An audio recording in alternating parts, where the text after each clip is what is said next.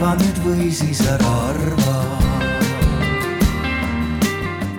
First of all, we have an announcement by librarians. So, yeah.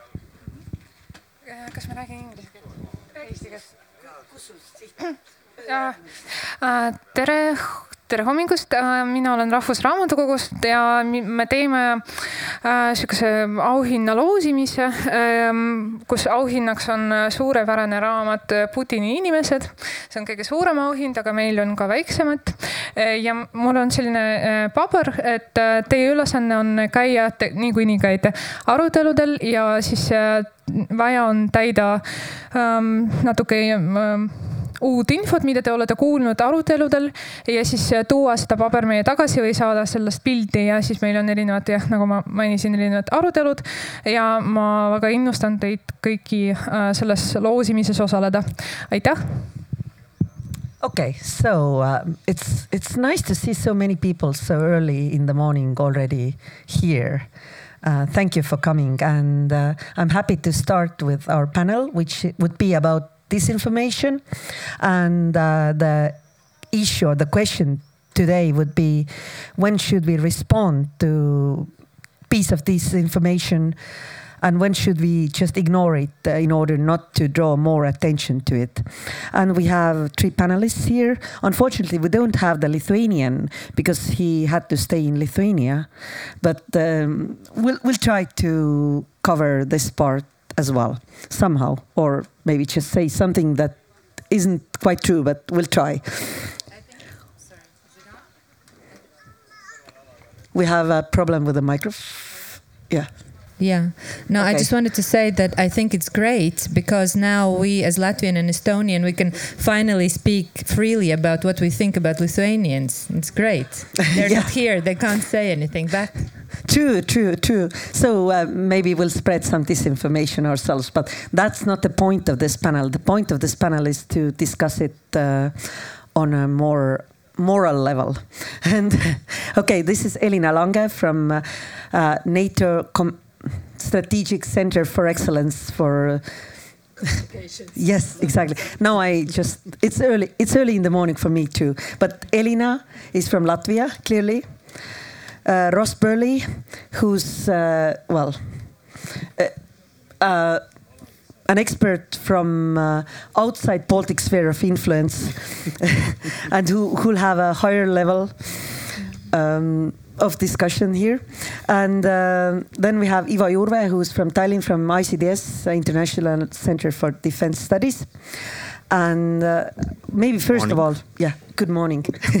okay, and maybe we'll just uh, each one of you gets to intro- introduce themselves in order not to, yeah, put words to anybody's mouth. So, Elina, you started already. You are the emotional southerner here, so. Yeah, that's right. uh, good morning, everyone. It's a real pleasure to be here back in Estonia. Uh, I think my second favorite country after Latvia. Um, so, indeed, I work for NATO Strategic Communication Center of Excellence. Uh, I'm also really pleased to see that the NATO battle group is guarding us. Uh, thank you, guys. I feel very safe. Um, so, the center that I work for, um, we have, um, yeah, I think by now we have one such center in almost every NATO nation. You have your cyber center in Estonia. Uh, I'm sure you all know about it. So it's not uh, part of NATO command structure, but it has NATO's accreditation. So it's an international organization founded by nations. In our case, we have all three Baltic countries, uh, not only present in the center, but actually at the leadership of the center. Uh, so from Estonia, we have our deputy director. So basically, if anything goes wrong with the projects that we do, it's his fault. And uh, my uh, my uh, portfolio is uh, largely related to looking at Russian and Chinese information influence in the Nordic Baltic region. So our countries and the Scandinavians and, and Iceland and Finland. Um, and also, I have uh, expertise um, in uh, Georgia's information environment. Um, and uh, I also run a project on strategic communications terminology, which is a kind of philosophical exercise uh, where we discuss actually what do words like disinformation actually mean. so, uh, yes, so that's shortly about me. Thank you. How did you? How did you? End up being an expert on uh, disinformation and strategic communication. How did you encounter that subject? Um, actually, that's related to my studies. I graduated uh, my master's from communication science, um, so it kind of started there. Um, and then, yes, when Latvia was setting up the center, they asked me to come back from Georgia, where I was at the moment, and help to set it up. And then strategic communications actually was a very new term uh, at that time. Um, nobody really knew what it is, even at NATO, even though we had a policy on it, but nobody really knew what to do with this thing, this new animal. And uh, we all gradually just learned. I think we are all still learning uh, what strategic communications actually means and where disinformation uh, uh, has its little box uh, in this big endeavor. Yeah. Okay, Ross has actually founded uh, his own center, and he's now the executive director of it. So, Ross, tell a bit about yourself. How did you make this issue your bread and butter? Uh, good morning, everybody. Uh, I uh, overindulged in some karaoke last night, so my voice is slightly croaky, so apologies for that. And it turns out I thought it was Estonian karaoke, but I've been told it's Finnish karaoke. So again, disinformation in action. Um, so, um, so my background, I, I, actually was a civil servant in the UK government, doing all kinds of fairly standard foreign policy stuff like uh, Iran and non-proliferation and Middle East peace process. And then in 2017, Salisbury happened, and from not knowing anything about disinformation and hybrid warfare and information operations, suddenly I was immersed in this strange new world, this new form of warfare and it's a little bit like that scene in The Matrix where where Laurence Fishburne gives Neo the uh, you know the red pill or the blue pill, and I was kind of I took I went down the rabbit hole and found myself in this wonderful strange world of disinformation where everything is real but yet nothing is real. Everything is fake. Truth is lies and there's no such thing as objective truth which is slightly confusing and can be mind-bending at times. But uh, I felt so passionate about it, and I recognized that, like so many others on this panel included, that it is the greatest national security challenge of our time. And it's the greatest challenge we face as a society as well. So I decided to set up a non-profit called the Center for Information Resilience. And we basically do three things. We counter and research disinformation. We use open source to expose human rights abuses, so which are often linked to uh, disinformation, especially in Ukraine. We also work in Myanmar and, uh, and Afghanistan as well. And then the third thing we do is we counter online harms targeting women and minorities, because often um, people who are working in the field of national security disinformation journalism uh, are targeted by gendered and sexist disinformation. So we're trying to trying to help help out on that front. Okay, and now we have also Ivo. How did you enter the business of tackling uh, disinformation, and uh, what's what's the what, how big part of your work is that uh, topic? Uh, yeah, I'm afraid that your question uh, makes me feel very old because uh, I tackled the problem um, already around the turn of the century or turn of the millennium when I was uh, still studying history at the University of, of Tartu. And uh, of course, it was easy to notice some deviations in uh, historiography, which nowadays we would call just faking or, or um, faking history. but at that time, it was a little bit new, new things still. When it became uh, bread and butter for me, it was in uh, 2008, uh, summer of 2008, when I was seconded to the government office. Uh, so uh, Estonia was to some extent still a little bit in shock of what happened in April 2007, and it was interesting time to go there because it was just prior um, to the um, Russia's aggression against Georgia. And yeah, this was uh, the time when um, uh, Estonia made its uh, first uh, steps um, uh, while building the Stratcom, and I had the pleasure to to uh, witness um, these steps. And afterwards, um, I have been. Um, it's not so, how to say, huge part of my work anymore, but uh, I've been involved as a think tanker, as a teacher, and uh, to some extent also as a contractor uh, solving some uh, some practical issues. And now I'm uh, head of the security and resilience program at the um, uh, International Center for Defense and Security. So we all together we have three programs. One is foreign relations, the other is defense, and third one is security and resilience, which basically has to deal with all the things that are connected with uh, security, but are not directly defense or directly foreign relations. So of course, among uh, many uh, issues, everything connected to information uh, warfare uh, falls um, in in this domain as well. And at the same time, also I'm a part-time researcher at the Estonian Military Academy with main focus on information warfare issues. So you're you're a historian. So could you could you say that, and you have been dealing with the, this subject for two decades now? Could you could you say that we have certain waves of uh, either disinformation or the topic of disinformation um, becoming fashionable? You mentioned you you already started with that subject at the turn of the century. There was 2008. There was also 2014. Now it's the new wave of the Ukrainian war. Could you, could you could you say that there are waves of this? Well, uh, definitely. If you would ask that what has changed, then it would be probably uh, a very long, uh, uh, long lecture. But if we uh, look at our uh, central adversary, which is Russia, then definitely there have been different waves. I guess where we can make some distinction is prior to 2004, uh, when Estonia and also other Baltic states became NATO and EU full members, and then next um, watershed would be. Uh, something around uh, 2014.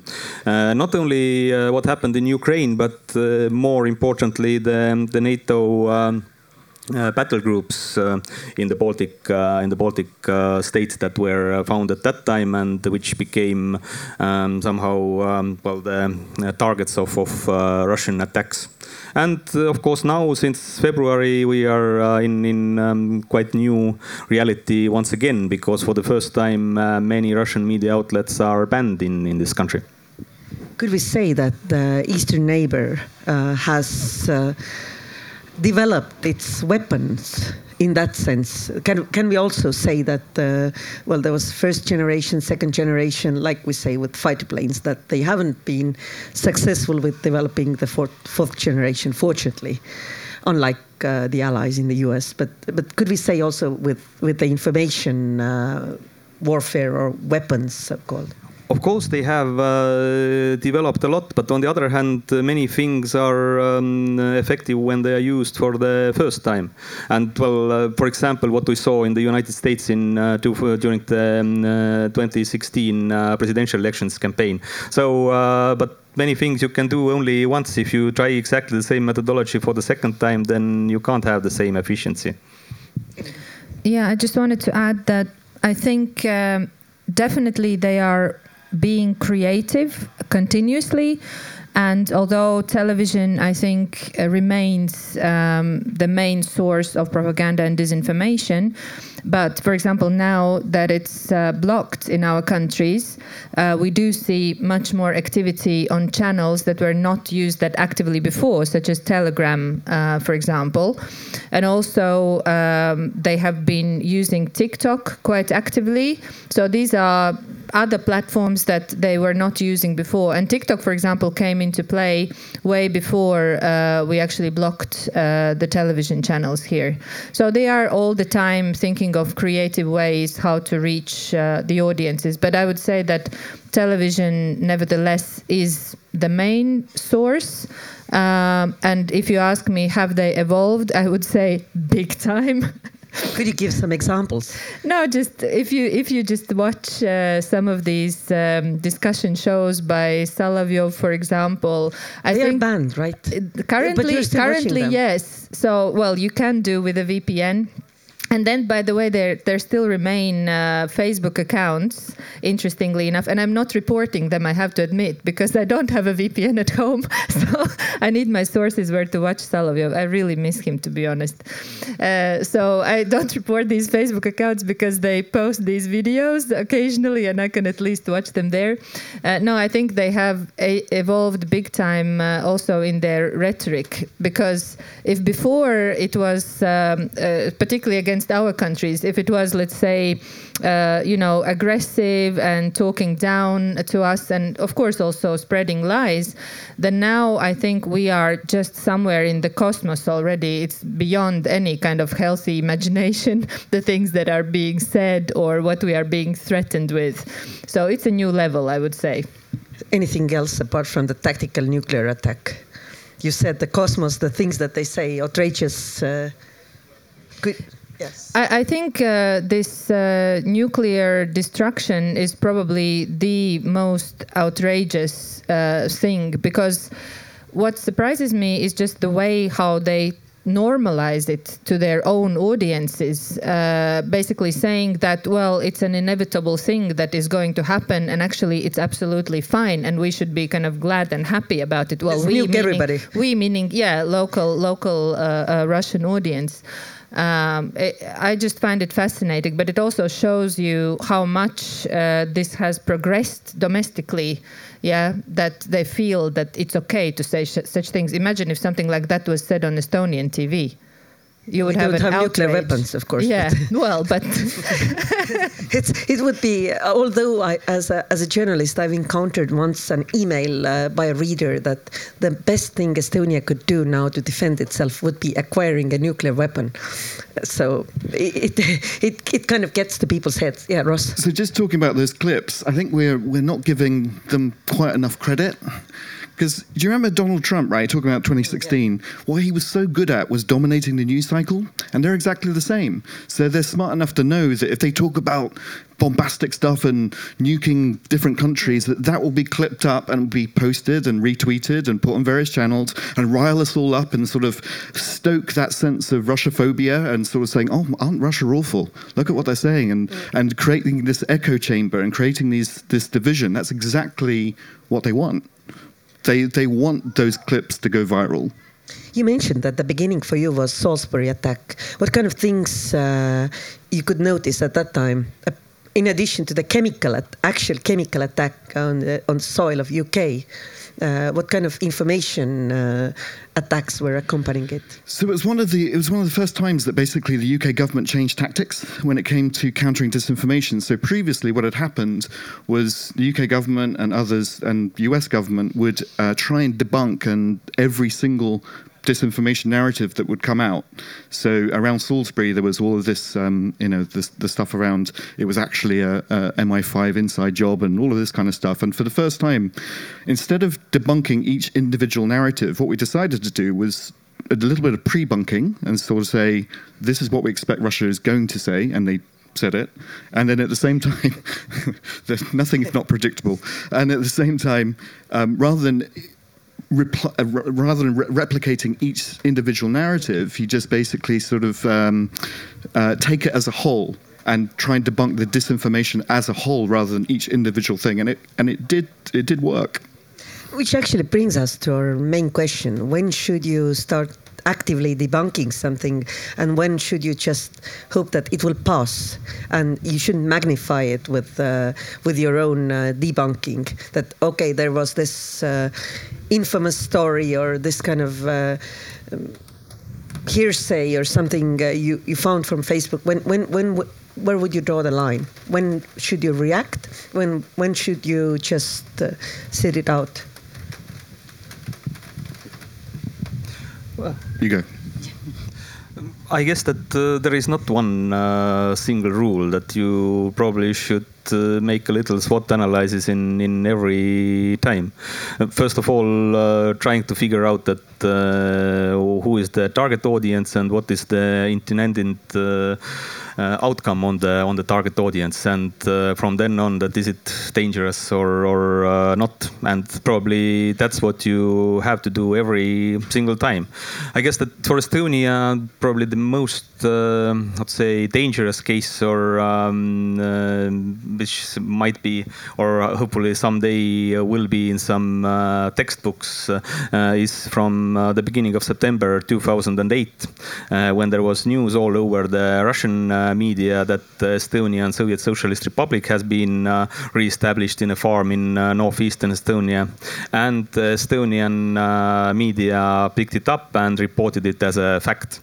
Uh, which it uh, was not just uh, some uh, some uh, guys in uh, Leningrad Oblast were having vodka and making some pictures with the flag of Estonian Soviet Socialist Republic and um, which were disseminated.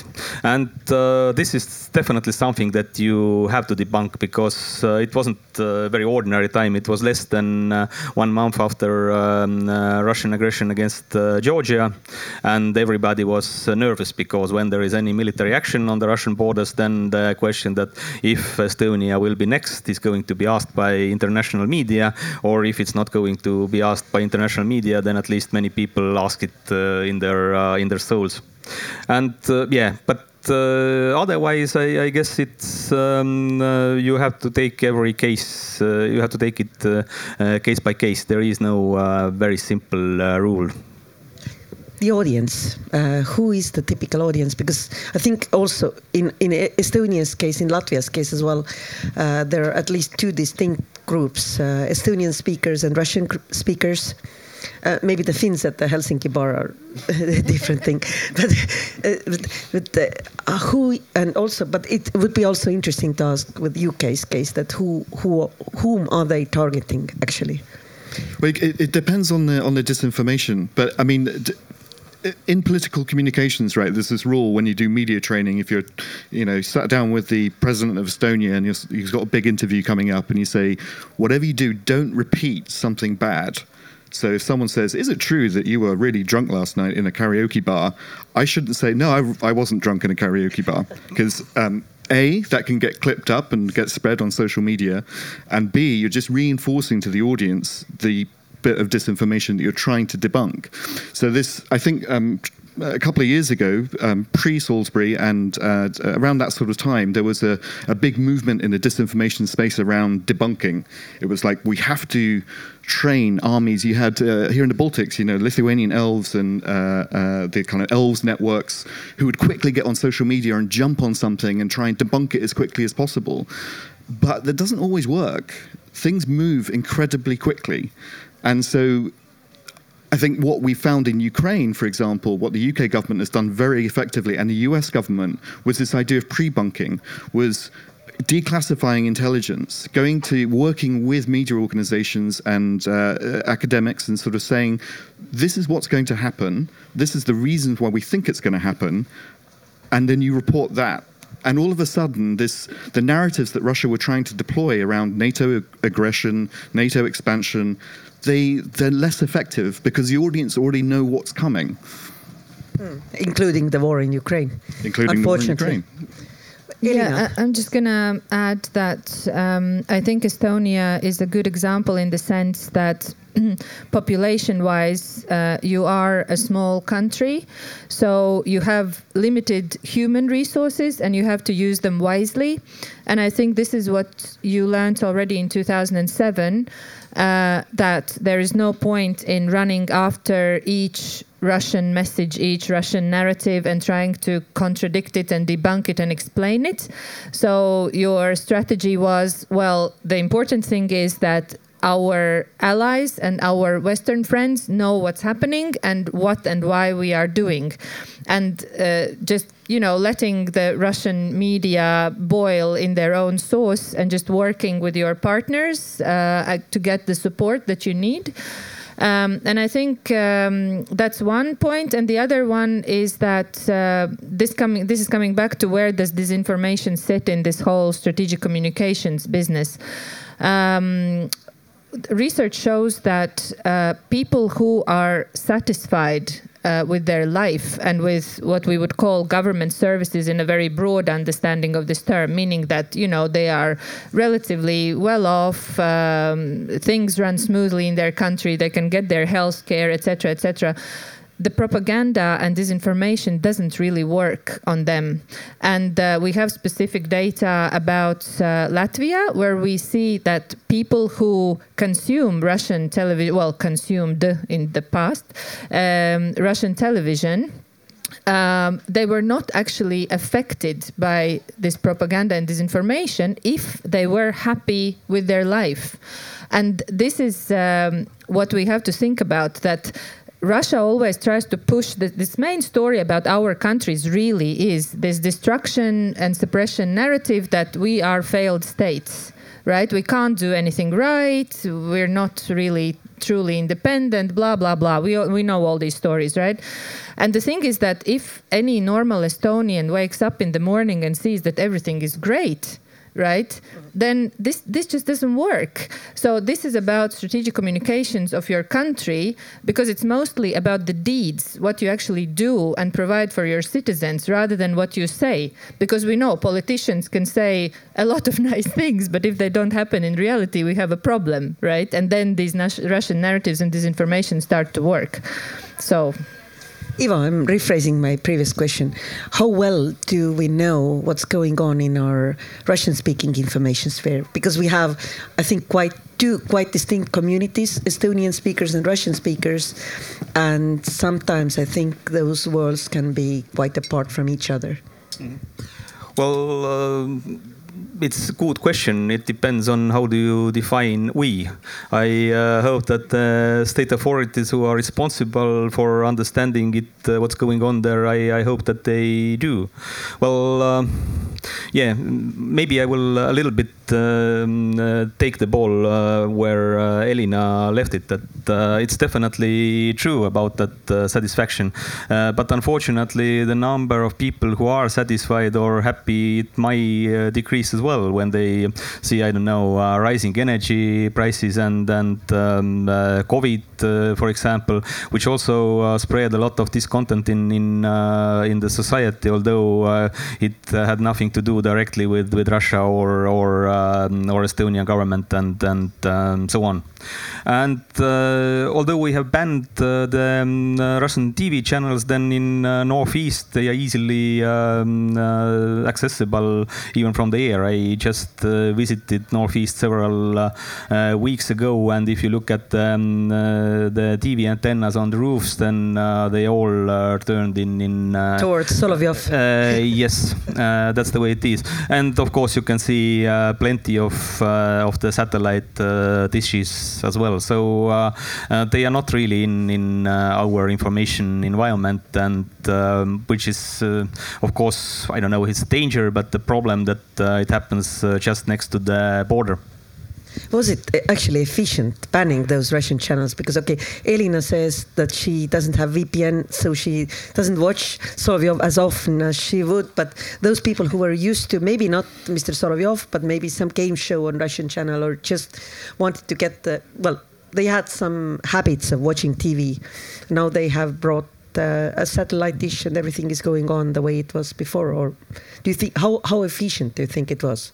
I'm afraid it's uh, too early too early to say. As we know from the Cold War, when uh, Soviet Union tried to uh, ban or, or uh, distract Western radio stations that were broadcasting to Estonia and also Finnish TV, then it wasn't very efficient. Uh, but uh, speaking about uh, Narva, then those uh, dishes and, and antennas were uh, mostly there already before uh, the ban, so we, we don't know uh, how much it has influenced. We probably know that ETV Plus, the um, Russian language channel of Estonian public broadcasting, has gained some new audience after the ban. So this is definitely something that is desirable, but we will see um, how it works in the future future and if it is uh, sustainable this uh, and, and how uh, large this success is going to be. What about Latvia? Latvia has tried banning those channels temporarily also before. Yeah, we have, and so has also Lithuania. but the situation, as you mentioned, is different in Lithuania because they just don't have this uh, large Russian speaking um, part of the population. Um, actually, we don't have uh, data, uh, so we can't actually say what kind of impact has it had. Um, but I think the main problem here is, again, coming back to strategic communications, um, there was a window of opportunity. I think it's closing if it hasn't closed already. And the thing is, if you take something away, you have to put something there instead. And we haven't done that, have we? I mean, you had your ETV Plus. Um, of course, we can discuss how successful is this project, and you know, I believe that the hope was that the audiences would kind of naturally migrate towards this channel, which part of them have, but probably not as many as you expected. And then, you know, okay, we have crises such as COVID or we ban the channels and then they migrate again partially to the channel. So, but the, the reality is also that we will never be able to compete uh, with that level of uh, entertainment shows. And that is the main reason uh, why they are watching this television. And then they get this political programming uh, on top of that, right? Uh, I don't think that that many people actually go to these Russian sources, um, television sources specifically specifically for political programming and news. Uh, it's mostly for entertainment, right? So the question is, what do we put in place? And we haven't really put anything in place, I would say. Well, nothing significant at least. And that is a problem. So I don't know. Uh, we can speculate what is going to happen. Um, but yeah, it's up in the air at the moment. I, I, I don't find the idea of banning TV stations or trying to go down that route is going to be massively successful. I mean, across Western Europe, they've banned RT, Sputnik, uh, various different Russian uh, state linked outfits. Um, the Russian disinformation, you go to where the audience is. So if you know where people are going on YouTube, then you figure out, okay, what are younger people going to be watching? They're probably going to be watching like Minecraft videos, right? It sounds very innocuous and innocent. What you can do is you can go into the comments. You can start embedding messages, political messages. This is what they did in um, in in some campaigns in Zambia and Zimbabwe, for example. They would go to where those audiences were uh, to, and we were trying to uh, get a particular candidate elected or support a particular candidate, and they would put comments pretending to be uh, uh, other accounts in in those videos. So this idea that you could ban a TV station and therefore kind of get around Russian disinformation is, uh, I don't think it's massively uh, going to work. I would also think that in the UK, those people who were watch, actually watching RT or Sputnik would have really peculiar taste. That it those channels weren't popular before either. No, about twenty thousand people watched uh, RT. But if think about it, like um, this is going to sound a bit weird, but like a disinformation octopus. So you've got eight tentacles. One tentacle is this kind of you know media disinformation. It's one tentacle if I want to disrupt or intervene in a, in a state, then I have other tools that I can use, like influence operations. I can support political candidates. I can undermine social cohesion by supporting conspiracy theories. If you gave me a budget of two million quid. Uh, I mean, I could run riot in Estonia. okay. any any I takers? Hope, I hope uh, you you would you would be choosing wisely who, whose money you accept because that really sounded a bit uh, bit suspicious that you, as you were advertising your services. So good. Um, we're the good guys. Okay. Ivo had something to note. Yeah. Uh, yeah unfortunately it's banned according to our penal code and uh, some people already are in jail uh, not because of espionage but just uh, making a deal with uh, foreign services. So uh, be cautious although these two million pounds might seem lucrative. Yeah what i I just wanted to have comment that uh, maybe we shouldn't draw such line before entertainment and, and political uh, programming because if we look deeper um, into the Russian TV program, or well, I haven't uh, much watched it uh, after uh, after the February, but uh, still, there is no such distinction. Usually, our um, in the West, our media monitoring it deals only with news because it's the easiest thing to comprehend and it takes less time time. But in the other hand, if you look at the movies they are watching, if you look at the TV shows and so on and so forth, then uh, they all are quite full of uh, political uh, messages. Would it be from history how KGB were uh, cool guys, or, or I don't know, some uh, children um, song contest where uh, nice kids from Crimea, occupied Crimea, coming in, or so on, or and forth. It's usually it's possible to find. And I like that metaphor of octopus, and um, it's definitely true. And usually, well, it's sometimes said that if you cut one off uh, of those, then uh, there are going to grow two it's or more. Dragon, dragon's head. Ah, okay, dragon's head, not octopus, uh, octopus. is fairly a little bit octopus different. slowly okay. dies, unfortunately. Yeah, Or well, but Well, uh, we, we far. have we have the um, uh, example of uh, ISIS actually, where it was also uh, hugely problematic, and then in Twitter when uh, one uh, while one uh, account was closed, then uh, five new ones appeared, and it seemed to be endless fight. But in reality, it was possible to win it if it was taken seriously enough, and in that case, it was. I'm not so sure if we are there with with Russia taking it so seriously at this point. The, the the ISIS example is really is really interesting one. So if you're talking about you know what people watch and, and entertainment, so one of the um, one of the ways that the that NATO and the West did counter Daesh comms was you basically copied the content that was targeting the audience. So we knew in Syria and Iraq, for example, that people were consuming the Daesh content, which was really well put together and very, very effective. You would just copy it. And you know, when it came to releasing those that, that content onto channels, we basically figured out when when those things were going to be released. We'd release ours at the same time, and it would just be you know uh, uh, as as good a content, but with a positive message. So, so you basically mentioned that you would have tridents, so with a positive message, when the Russia starts talking about tactical nuclear attack.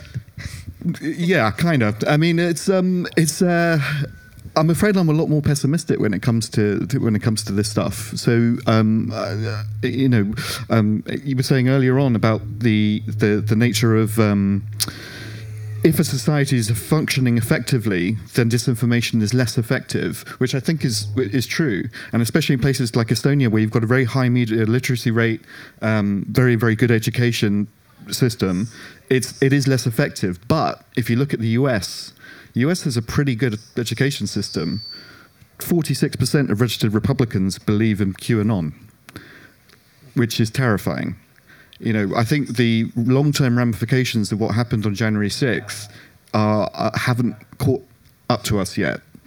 And I think um, that that what happened on January 6th should be an absolute wake-up call to the role of social media, the role of disinformation, the role of media literacy, and how we combat it as as as a Western society. But if I may add, I think this social media thing is also very peculiar because I think we also invest a lot of resources in monitoring social media and uh, there is this impression that oh if something is brewing there more and more people express certain views etc that it will have uh, an effect in real life that there will be a riot or demonstration or something um, but actually, that is not always the case because we always have to look at it in the context with the real life events and situation and also resources.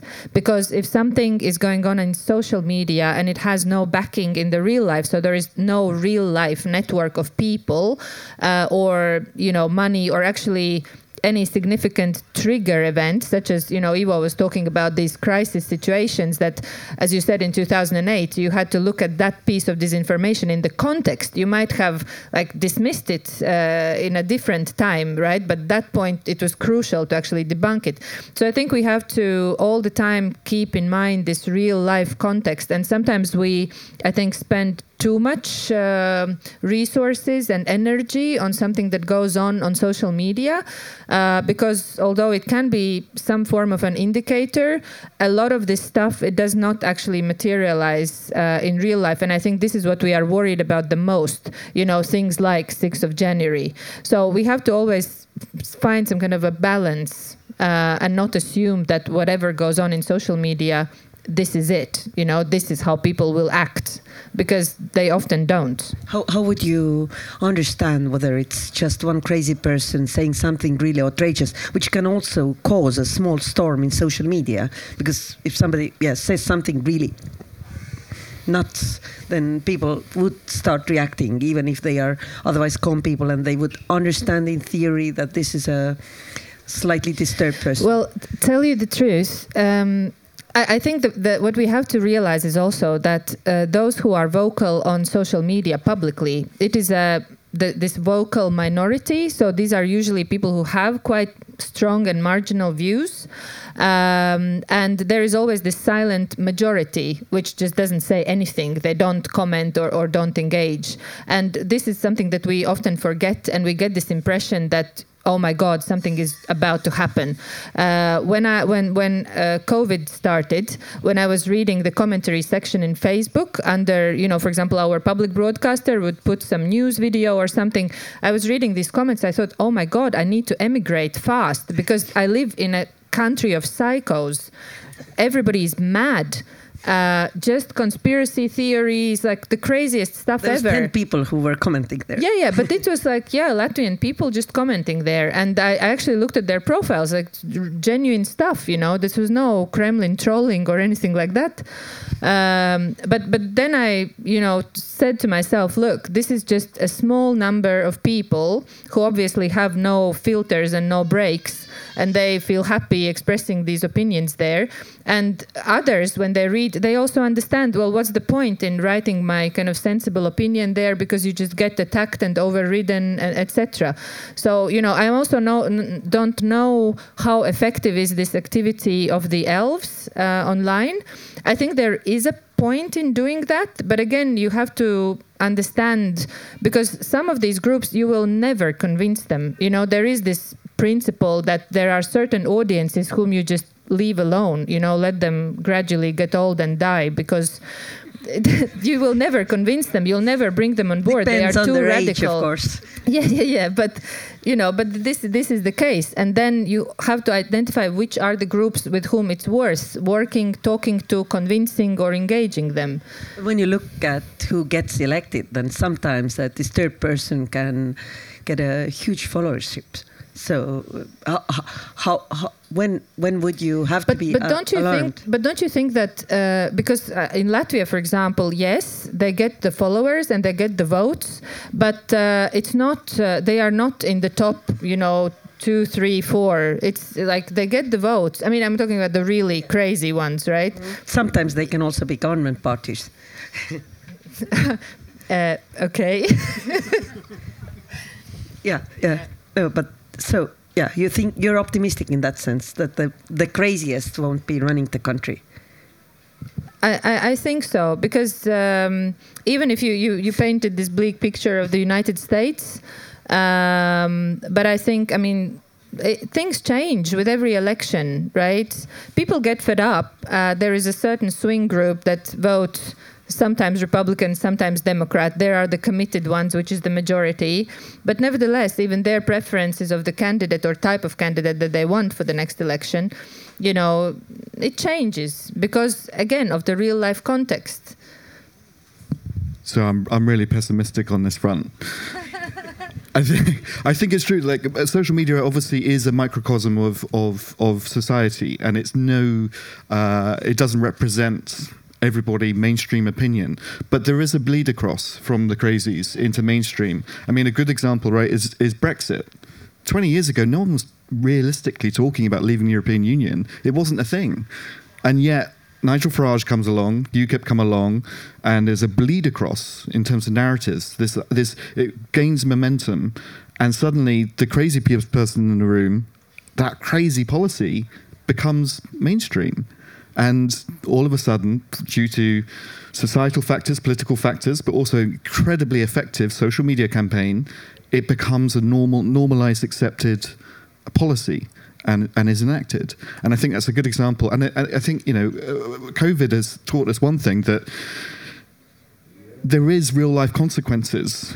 People turning up to hospitals and uh, riots, and uh, you know, um, you know, there was a uh, examples of people coming in and um, uh, destroying vaccine stock, stockpiles and that sort of thing. Yeah, they are a minority, and yeah, they are the kind of minority crazies. But there is real world consequences, and it is, I feel, uh, uh, getting worse. When we all can't agree that there is such a thing as objective truth, I think we're in a bit of trouble. One thing that was mentioned in the description of our panel, and we haven't talked much about it, is Ukraine. Uh, what kind of things have you noticed uh, since February this year? What kind of things have been accompanying the military campaign? Elina seems yes, to be. finally, I have an example because we were asked to prepare examples, and my, my daily job is not related to monitoring disinformation, and like so, my head is not full of excellent examples. But for this one, I, I'll tell you about an example which I found curious.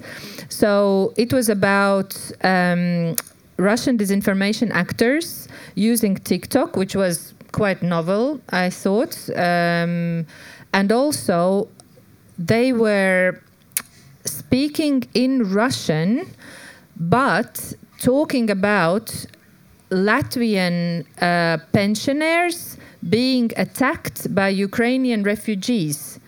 And so it was not anymore this positioning of you know ethnic Latvians against ethnic Russians, you know all these stories that we know.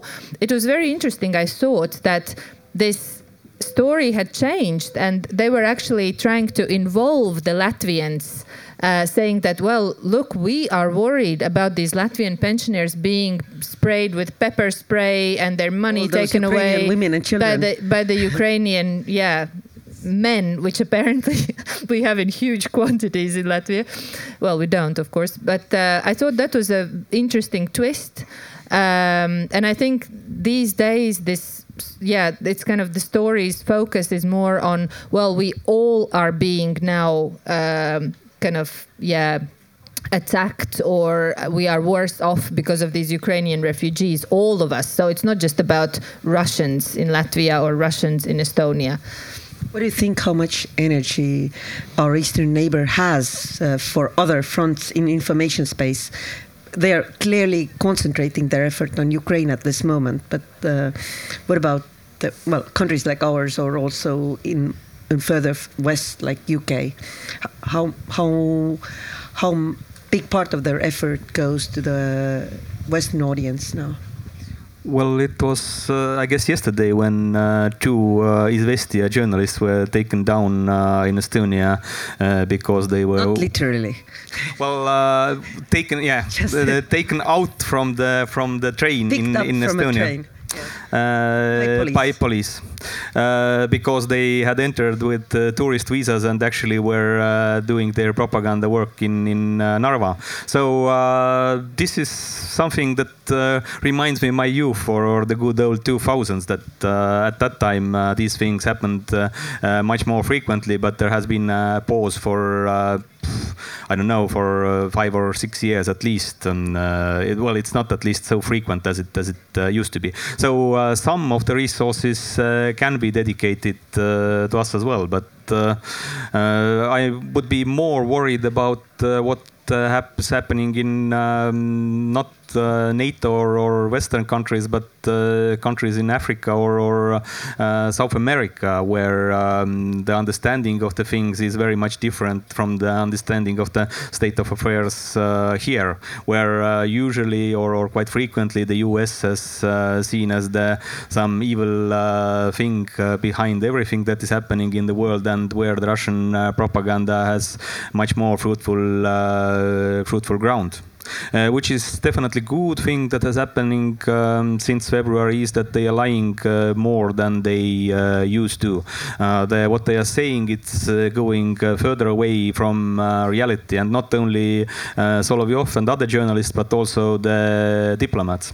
So I assume that their MO. Um, Minister of Foreign Affairs and also Mr. Lavrov, uh, most of their credibility has uh, eroded uh, since uh, since uh, late uh, February. If they make some announcements, then they are not taken face value anymore and not taken so seriously as they would have been before. And this, of course, concerns the concerns the Baltic states as well. Should should the peak of their information warfare turn turn to us at some point? I get the impression that uh, the first uh, battles with Russia in Africa may have been taken by France in countries like Central Africa and Mali, because well, Lavrov was traveling there, and, and the other foreign dig dignitaries from foreign ministry of Russia have been active there with Wagner Group and so on. And, and, and the US and the English speaking world has only now started noticing Africa as the front because the, well, the, the things that have been ha happening with African Union and Ukraine and grain from Ukraine and so on, it, it seems quite, uh, quite concerning. This and if I may add, it's not just about Russia, it's also about China, because if you look at Africa, uh, then in some of the countries, uh, almost all digital infrastructure is set up by China. So they can see and understand absolutely everything what people do with their mobile phones on their laptops etc so all this data all this digital communication uh, is in a way potentially monitored or controlled by china uh, and this is something that we also forget because this is also slowly creeping up, and it we haven't seen any major disruption yet. But you know, who knows what's going to happen in the future? And I think this is one of our problems that we we focus our eye our eye of Sauron, right? It kind of turns and like, ooh, this is where the problem is. But actually, there's a lot of other things happening that we don't even talk about. What about China in our countries? What what have you noticed? In Chinese, uh, the inform- how how how noticeable are the disinformation campaigns or uh, attempts to distort certain facts by China in countries like ours, or have they left the ground for Russia only? Shall I start? Yeah. Uh, well, I uh, don't uh, like the word uh, disinformation in in that sense because it um, uh, hints that the facts uh, have to be faked uh, there, and there has to be some direct lie in in um, in the information that is spread, which is not usually the case for um, for China. I guess that in some sense, well, um, one thing that is very different from Russia is the amount of resources that China possesses. Although we can say that Russia has a lot of money, then uh, it's still uh, quite few compared to uh, China. And the other thing that Chinese seem to possess much more is time. They are not in the rush. They don't have to, I don't know, govern the world before Putin dies or, or whatever. So they, they don't have to act very um, hastily and, and without um, preparations. If we um, think about uh, back uh, to the um, 5G uh, discussion here in Estonia, then well, it was quite a complex issue. As we saw, um, China was um, could procure some PR consultancy and also some former politicians who were lobbying for for their interests. So some some of that um, influence we have already witnessed in Estonia as well. Maybe we are too small fish just Estonia and Latvia yeah. and Lithuania. It's not just for Chinese. In Chinese sense, where I don't know. if you declared what's going on to the Uyghurs as genocide, they'd quickly take notice. You know, you can poke them quite easily. Mm. Uh, or Tibet, if, if you. If yeah, you I think I think this is the thing that they really become active, uh, or in the past couple of years aggressive or threatening, only when it concerns um, damage to their very positive, benevolent, kind of international image, because this is the most important thing to them. Um, you would have thought that you know Russia was also concerned about its image and actually i would say about 10 years ago i think they were super concerned about maintaining this image of oh we are the peacekeepers blah blah blah but now i think they already don't care they are beyond that uh, so that is also a difference. Um, and what is also, uh, I think, the difference that uh, Chinese work behind the scenes. So yes, they invest in some media companies, they hire some PR consultancy, they, you know, interest some politicians through some procurements, but we don't really see that and this is what is highly concerning because with Russia, we know it's out there you know, it's in our face every day on social media, on television, on online portals. So we all the time understand that there is this threat and we are concerned. But as I said, what goes on with China, we don't really pay that much attention because it's not in your face.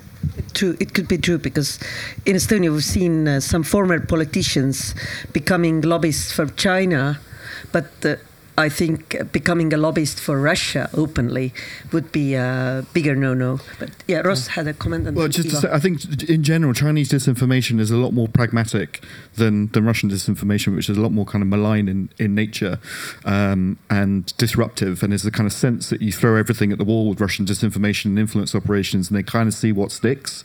So about a year ago, the Center for Information Resilience, we we found a, a Chinese influence uh, operation uh, online. So it was called Spamouflage Dragon, and it was basically about uh, hundreds of YouTube accounts, Twitter accounts, um, uh, often kind of zombie accounts. So you basically, through third parties, you buy bulk number of accounts from Bangladesh, from Turkey. So, so they're real people who basically built up an account and then you sell it.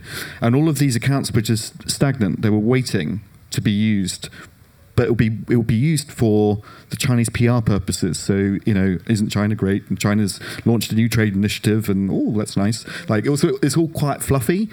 They get nasty with the Uyghur stuff. They get nasty with Taiwan, but it's um, it's almost it's kind of I don't want to be patronising here, and I'll probably get shot somewhere. But it's it's it's all kind of oh, isn't that nice? Oh, you're angry. That's nice. And they have these wolf diplomats who kind of you know are very angry online and all that kind of stuff. It's very different to, to Russia, where it's um, you know it's a lot more malignant and a lot more uh, disruptive. Ivo. Yeah, well, uh, I guess most of the things already said that uh, it's not always disinformation. It's uh, they are they have large uh, soft power capacity and they are using it.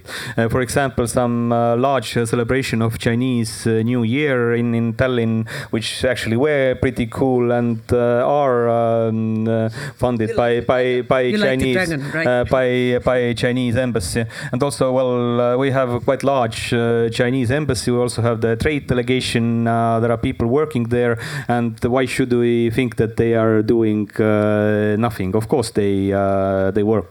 So there are bits and bytes we can uh, see from here and there. There are already two people convicted Estonia in Estonia for espionage in um, for the People's Liberation Army intelligence branch and um, so on. So yeah, if you look deeper, then um, then you shouldn't say that there is nothing or, or, that we can't notice anything in the, in the public sphere. Although yeah, what we, mm, what is uh, under the water or, or uh, how large is the iceberg? I have no idea. I hear that we have some questions in Slido, and then also we can take some from the audience. But for first from Slido, yeah. Okay, so What's the role of English language reporting in fighting disinformation? And is the current capability of the Baltic states for news in English sufficient? Uh, I think maybe that's the best for Ivo because he's he knows Estonia the best, and then you can maybe follow up with something. So, what's the role of English language reporting in fighting disinformation? And is the current capability of Baltic states for news in English sufficient? Uh, well, I'm uh, not sure if we can say it's uh, sufficient, but it's uh, still much better than it used to be if you're interested in how it has evolved. And uh, what's the importance? Uh, it is immense importance, I guess, because uh, uh, we have to make sure that our friends and allies uh, would have a good picture was it what's happening here, uh, that they would uh, draw their um, uh, their um, information from reliable sources, like for example Estonian public broadcasting. And so, um, if there is going to be some kind of misinformation or disinformation from our neighbor, then it wouldn't be believed. Ross.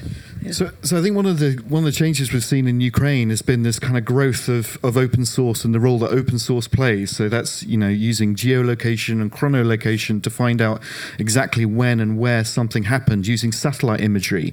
And I think the the the more the English language newsrooms, so New York Times, Financial Times, all of the kind of the, the big beasts have invested really really heavily in open source units. The good thing about that is when it comes to com- combating disinformation, it's very hard to deny something that is objectively true from a satellite imagery. So you saw, for example, with Bucha as a good example. So that awful massacre that happened.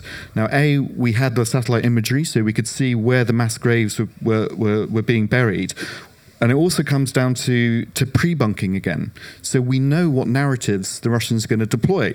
So they'll probably say, oh, yeah, we don't deny something happened, but it was uh, self defense, these, you know, not civilians.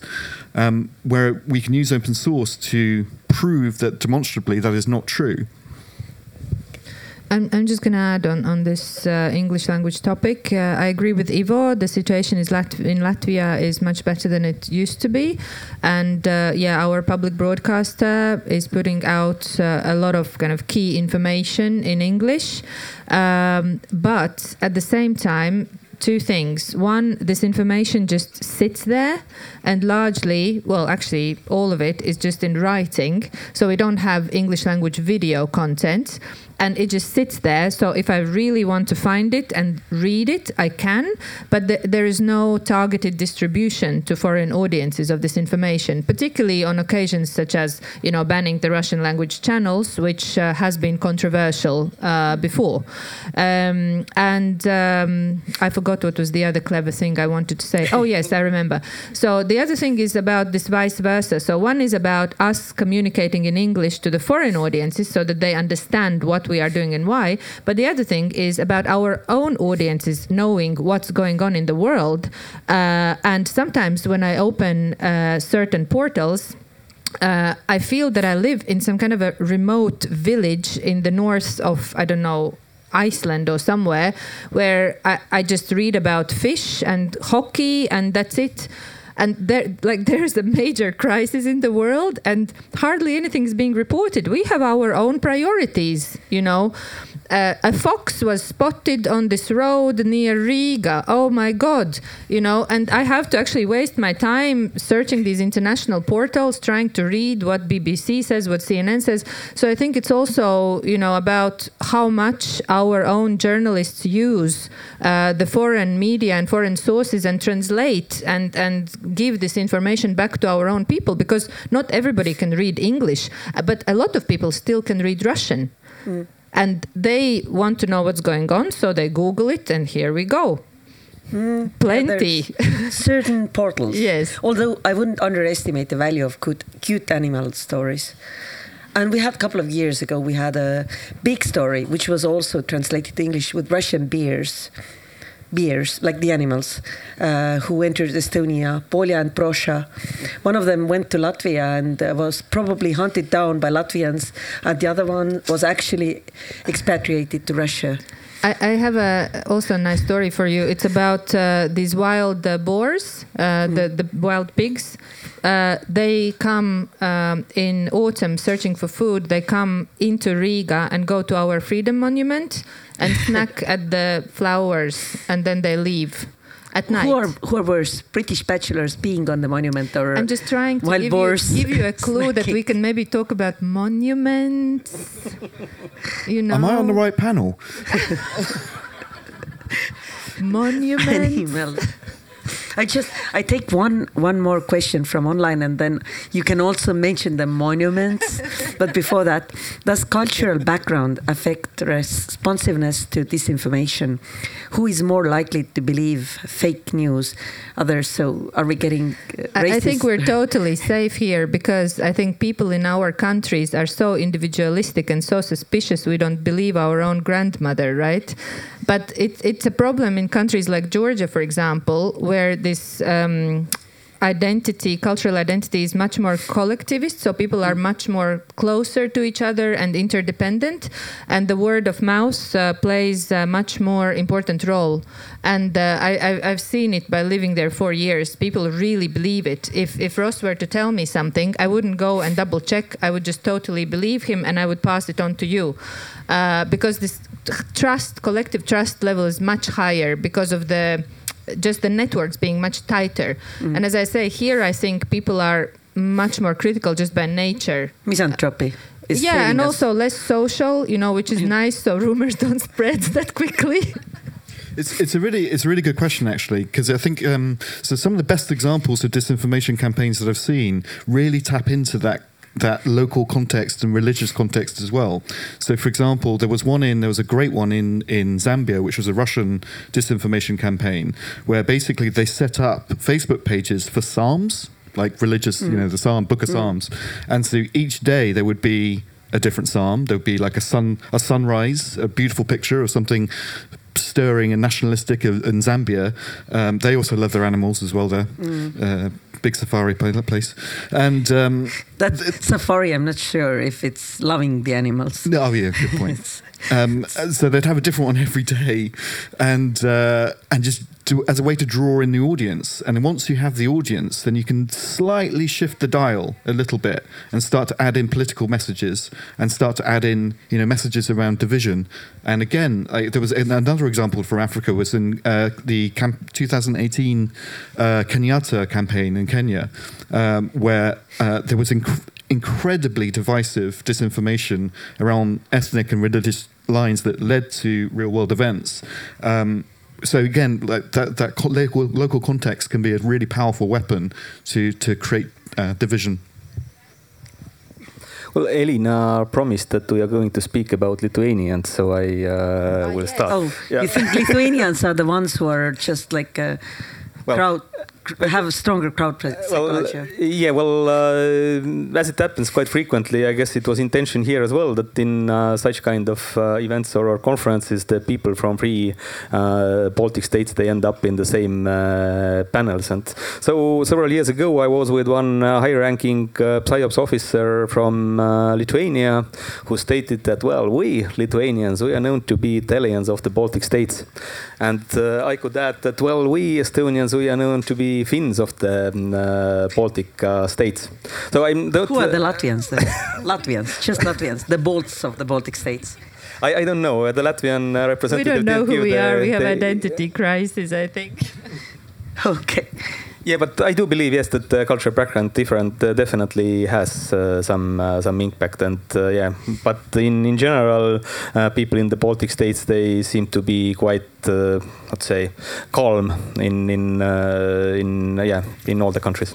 So the monuments, Elina, you want to jump in with uh, this information, and uh, since uh, Latvia is removing, Estonia is removing Soviet monuments, and uh, what have you noticed in relation to that uh, campaign? Yeah, I think what I have noticed is a major difference between what was happening um, in Tallinn in 2007 and what is now not happening um in Riga. And um, it shows you that um, there is a certain effect of several things. One, that these propaganda and disinformation channels are actually cut off because I believe that particularly on this monument issue at the moment there is an effect that they can't just stir the emotions every day 10 times a day with this very kind of high pitched rhetoric um, so I think that's having an effect. Um, also, I think uh, the work of our intelligence services and security services in Latvia and in Estonia, the fact that we have started to release our security service reports, annual reports, uh, you know, with names, with pictures. Okay, some countries may say that this is not very nice practice, but I mean, it does have a certain effect. Um, so people are kind of a bit more cautious maybe to jump into this kind of activities right as uh, Dozor for you know the monument or whatever. Uh, and I think also this Ukraine war and the public um, demonstrations that we have had here uh, in Latvia and in Estonia um, have showed um, that this kind of behavior is not going to be tolerated anymore. Just by the society let alone the law enforcement agencies. So i think it has changed the picture and it's actually very interesting to see. We of course don't know what is going to happen when the monument actually starts to you know get removed. Uh, but at least for now i would say that um, yeah the activity has gone hasn't actually reached any significant level, which is interesting. Ross, you're an outsider. So, uh, in your opinion, uh, what, what do you think of us Estonians and Latvians removing the Soviet monuments now and us having kept them for 30 years now? Or, uh, yeah, 30 years basically from but, but they are not important monuments because animals don't visit them as we discussed they visit no, other no. monuments so it's okay they like to pay tribute to latvian war of independence for example yes. but but what do, you, what do you think of us doing it now as a campaign in reaction to the war in ukraine and uh, not doing it beforehand or maybe we should keep the monuments just the way they are just as a reminder of our grim history Well, in the UK, we've had our own uh, uh, debates around monuments. Uh, obviously, with the colonial past and the very controversial colonial past of, of you know, the British Empire, etc. Lots of people who are point uncomfortable with some of the reminders of of, of that past. Um, it's a, it's an incredibly difficult issue, and you know, not being from here, I, I, I, I can only kind of relate it to, as I say, to the UK example. I mean, personally, I think it's good to uh, to contextualize those those artifacts and those monuments. Uh, I don't think we should particularly get into a a, a, a way of sort of icon iconic icon what's the word iconoclasty yeah, just, you know, destroying sort of um, remnants of the past. I don't think is a uh, uh, a, a long-term solution to resilient society. Uh, but cont- properly contextualizing those those artifacts and those monuments in the right way, I think. Um, uh, is appropriate, but then again, if if they are causing tensions within communities, um, and tensions that are resulting in violence, then I think it's probably pretty sensible to get rid of them. Ivo something? Yeah, well, uh, I guess it's, well, uh, to speak about 30 or, or 31 year, it's a little bit populistic because we all understand very well that in order to remove such um, uh, monuments, there is a window of opportunity. And uh, there has not been uh, such window of opportunity before. And, and most probably this window of opportunity will close at some point rather sooner than later. then secondly, on the context and, and conceptualizing, uh, which is definitely true, but uh, uh reconceptualize uh, something is much easier to be said than uh, done. Uh, for example, the Soviet tank, which which um, symbolizes for the local people fight against fascism and who wins against fascism.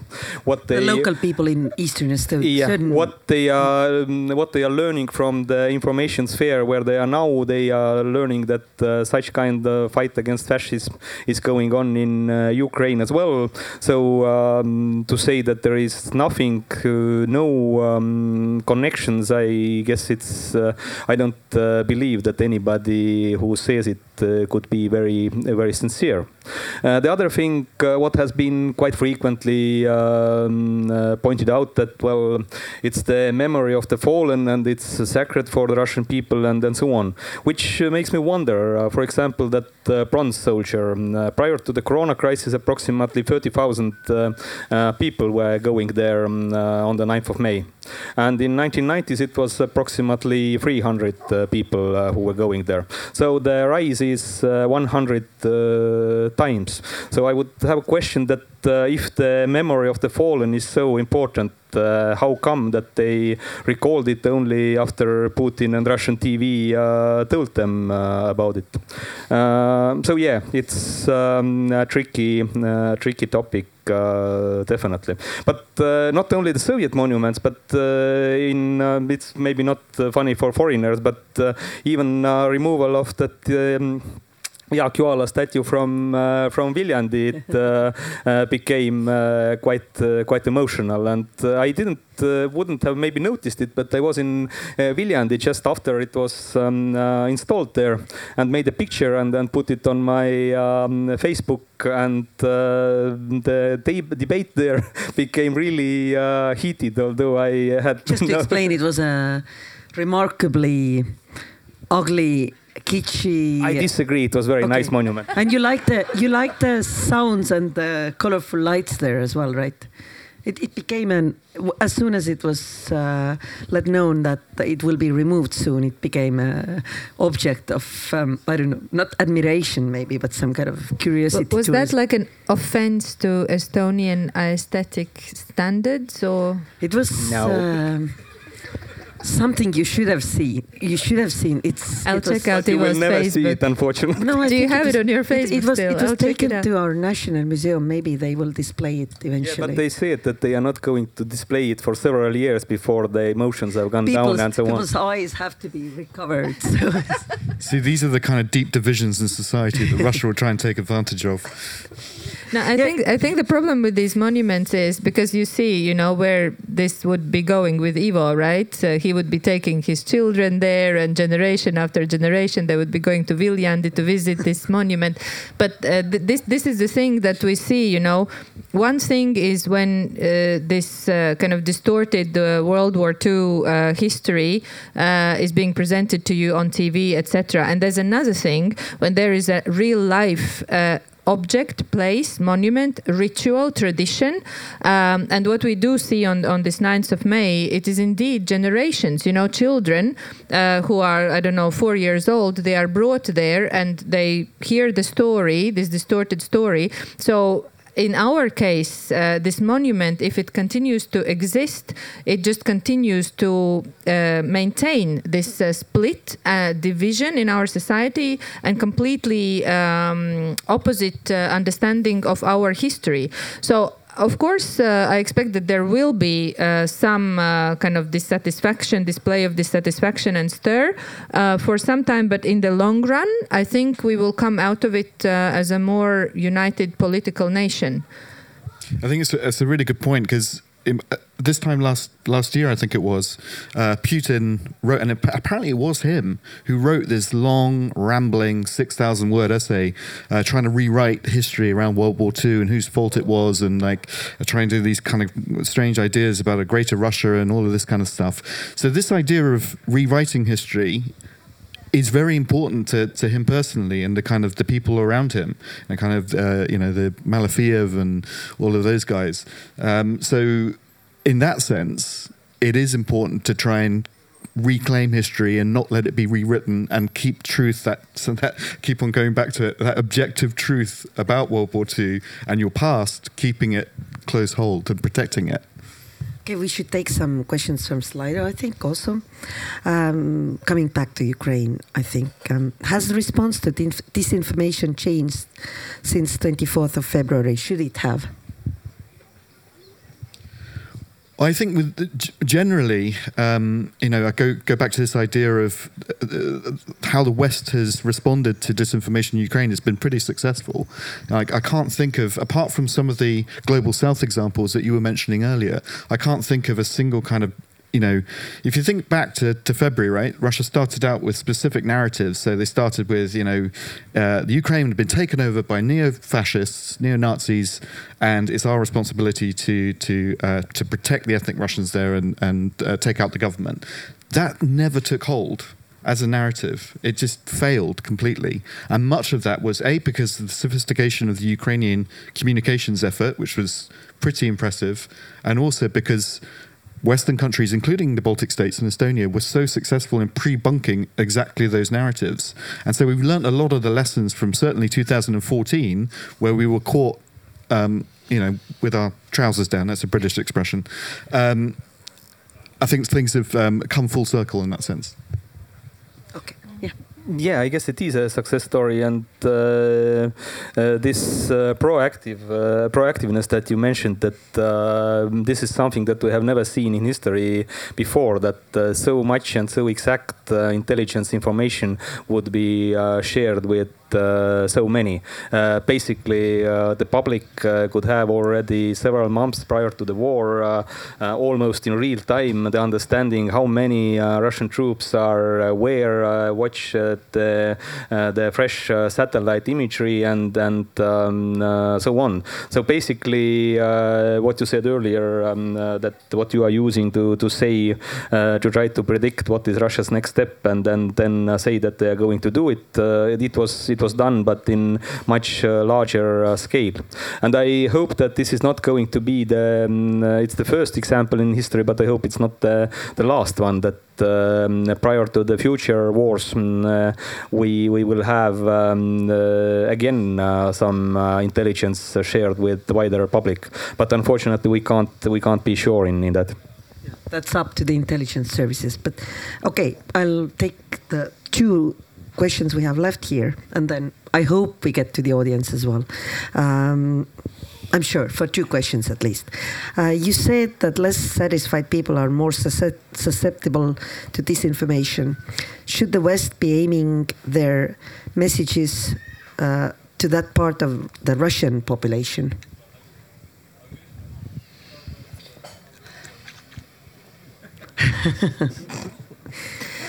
um, I think um, generally what we can and what we want to do, in what way we want to do uh, this communication with audiences in other countries, such as Russia, is very different to what Russia is doing to our countries. So that is the first difference. We will never go into Russia uh, spreading lies, trying to stir uh, things.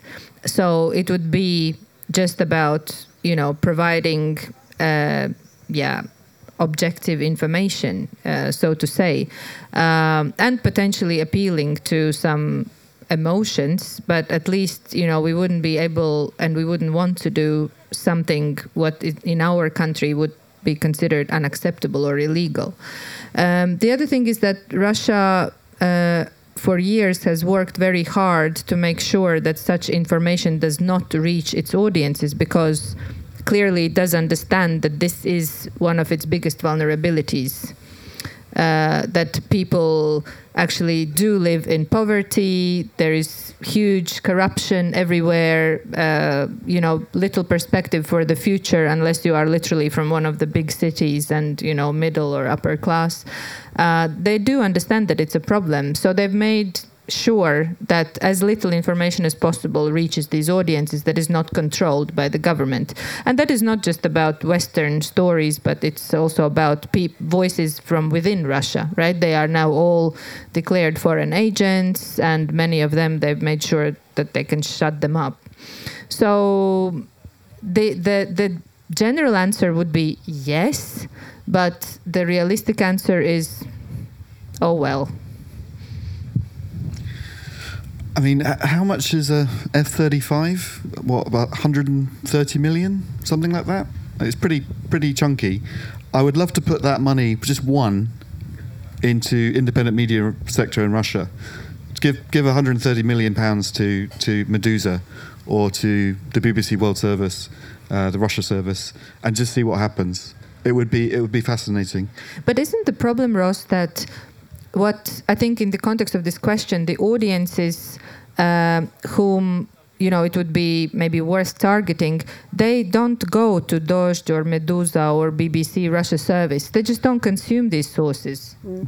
Uh, that's that's true, but if you put 135 on million on digital marketing and go to where the audiences yeah. are, then you'd reach those audiences. But no one is no one is ever ambitious enough to do what the Russians have been doing to us for for, for that, decades. That actually explains also why the stealth Sukhois don't fly because they have spent all the money on uh, on disinformation, so the fighters are not really. Yeah, well, I mean, I, I think uh, Rand a couple of years ago, the, the big research think tank said that the Russians are spending seven hundred million dollars on, on disinformation in, in Europe, which is uh, which is a, a, hefty amount of money. Mm. Um, but as I say, just you know. The, we spend a lot on defense procurement, and if anything, Ukraine has, has demonstrated how important it is to properly invest in your in your defense uh, capability.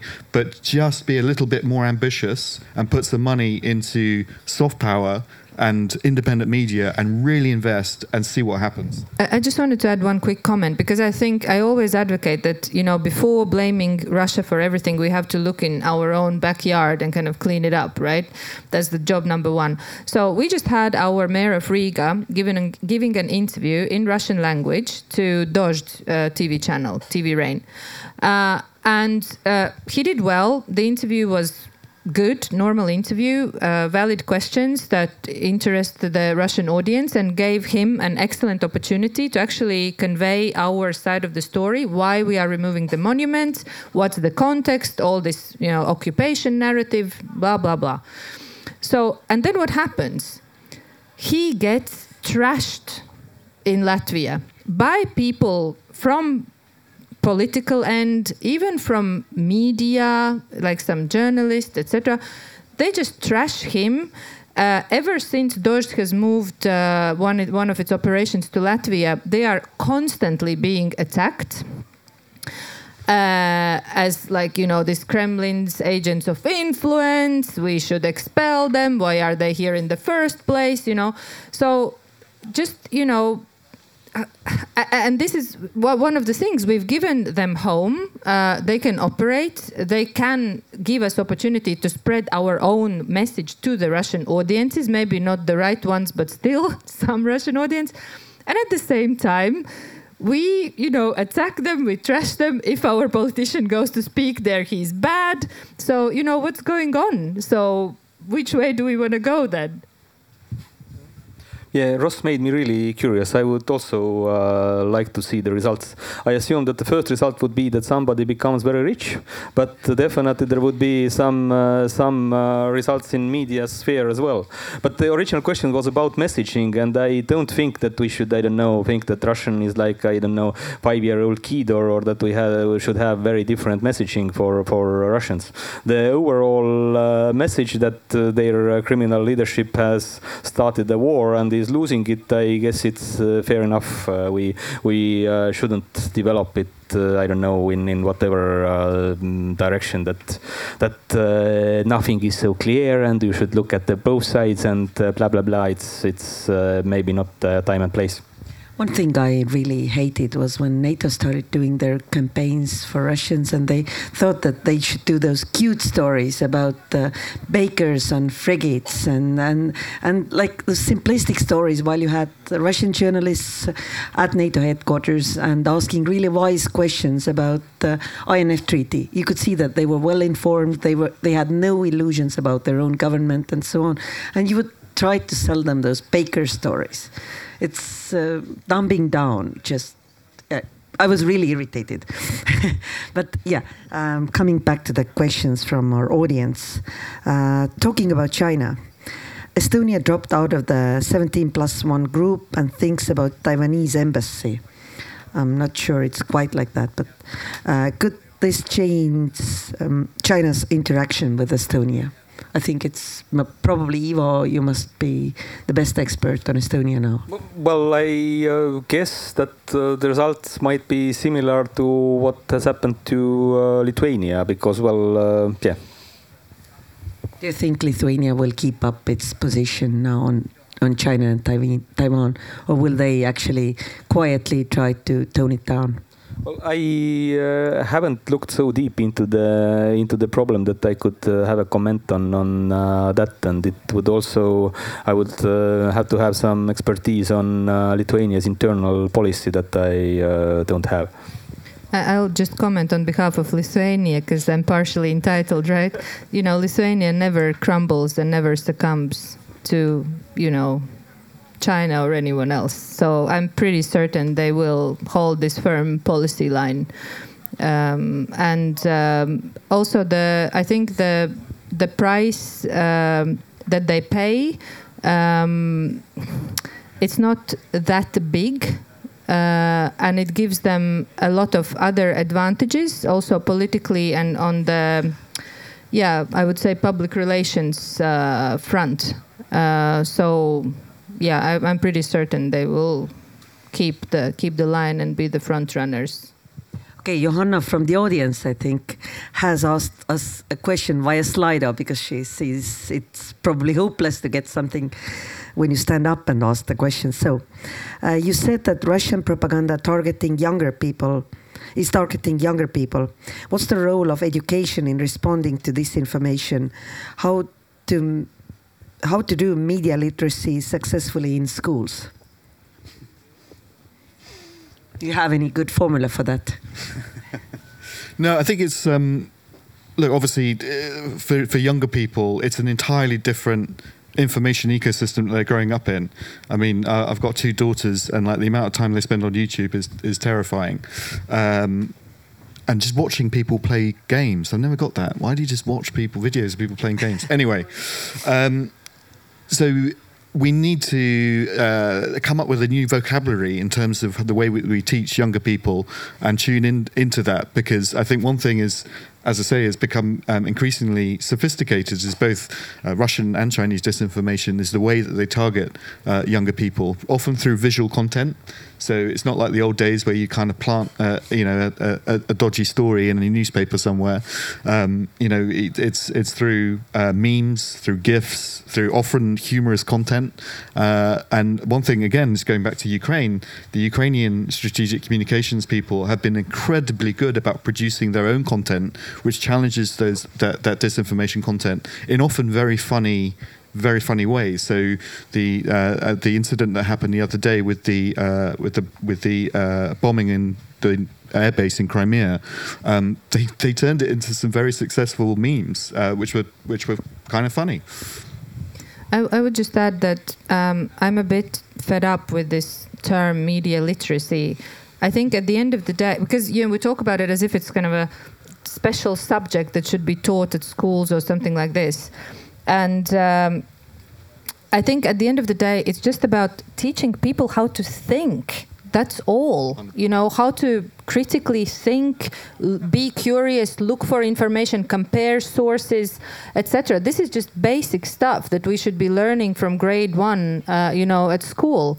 And it's not happening because uh, although we heard very complimentary things about, uh, you know, the education systems in the Baltics, I think we are still largely in the 19th century or somewhere. I don't know, because uh, I have middle life crisis now, right? So I recently graduated from uh, another university program, and I see that not that I much think has that's changed. a good way of having midlife yeah. crisis. Well, I d- didn't have money for the car for the red red cabriolet, so I invested in, in education.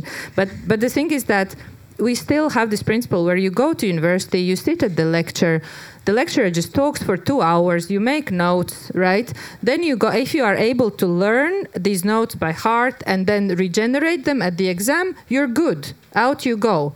Okay, I'm exaggerating, of course. Yeah, it's it's it's not that bad, but generally, I think we have to just in in the principle, in the core principle, change our how we just engage with children at schools. We have to teach them to think, to look for information, to compare information, to discuss information, not just sit there, listen, and then regenerate something. Okay, now I promise two questions to the audience as well. I see one question. So unless the organizers drag us away, we can answer those. Yeah. Uh, hi, all of you. Um, first of all, thank you for a nice conversation. And uh, I'm Vitaly from German Embassy in Tallinn, and my question is uh, to all of you, can uh, people trust, uh, especially younger generation, uh, influencers, bloggers, uh, and so to say, independent journalists, not only from Russia but in general? Uh, for example, if an independent journalist will go to Ukraine and make a reportage from there, how critical should be should we be to that? Thank you. Okay, so who wants to take it? Independent journalist. Yeah. How? The question was how quickly. Should we trust? Ah, Independent trust. journalists, Okay. yes. yeah. So uh, it's a, it's a good question um, because I think again one of the one of the markers for this conflict has been the growth of so-called independent journalists. So people like Patrick Lancaster, uh, Graham Phillips, uh, who's a, unfortunately a Brit, um, who are basically useful idiots who go out to, to these places, often have been there for a number of years, and do independent reporting, which is not independent.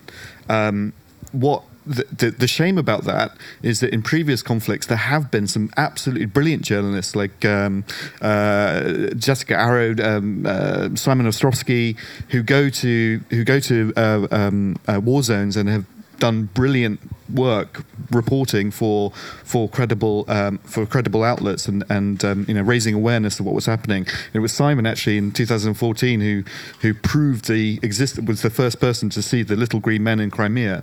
Um, so it was um, it was very that kind of journalism is essential. But it's being undermined by, uh, by by the useful idiots, and I think the only way of uh, stopping that happening is using legal means and uh, enforcement means to, to do it. So uh, I, I'm very uh, pleased to see that Graham Phillips was sanctioned by the UK government, and I hope that he will be sanctioned by other European governments uh, uh, in, in response to. To quote one uh, Soviet movie, it was that uh, we are living in very harsh times, so you can trust no one. I assume that uh, it applies to all kinds of journalism, and if we um, uh, think about that, how how would you um, uh, check the credibility of a source? Then it's something like the historians and and intelligence services do all the time. They have to look uh, back at the history, what is come, what has been coming from the same source uh, before.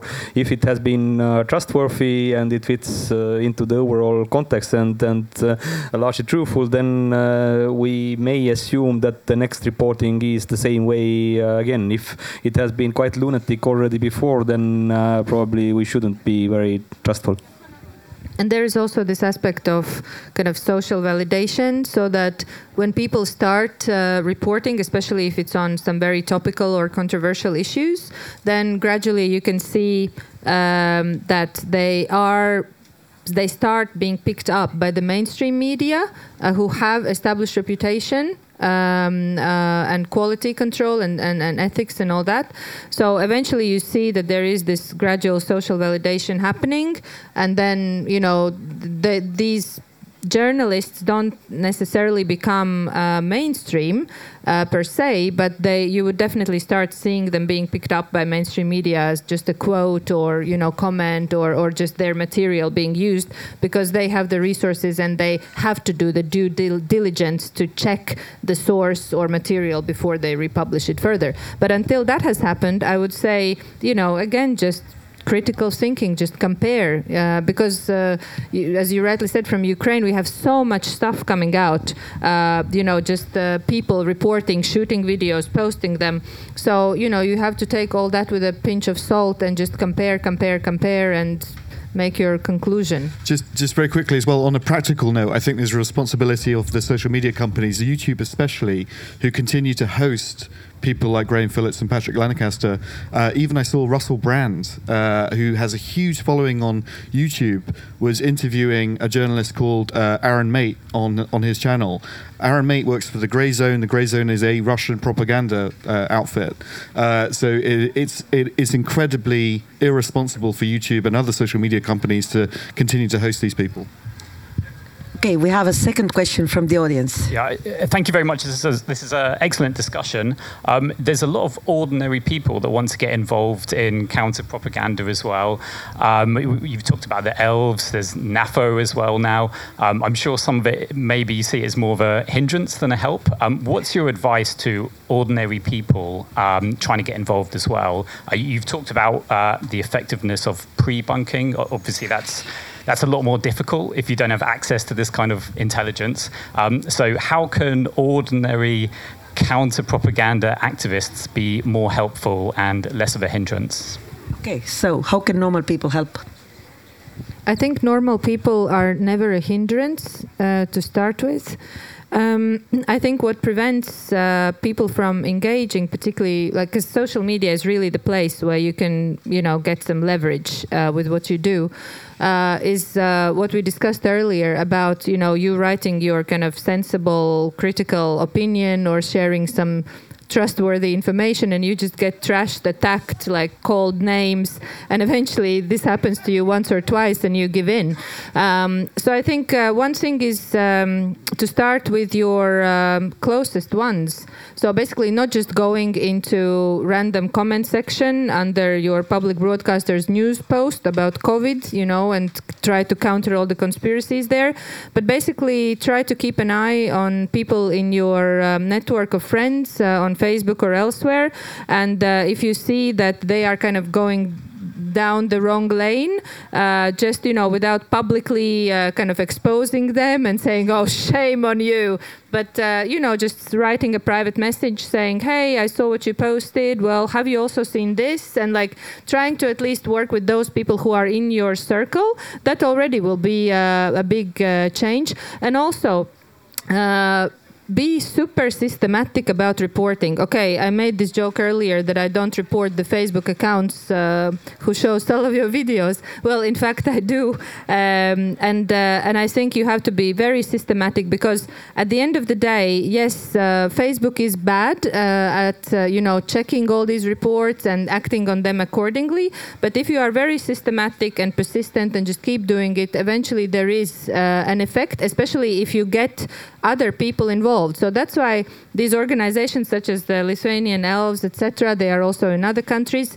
Uh, it works because it's a group of like-minded people, and they also inform each other. We've also had cases in Latvia where we have um, uh, these uh, these information pages, and uh, I'm also part of one of these informal networks where we just get a ping saying this page has appeared. Uh, it's spreading uh, disinformation about vaccines or something like that.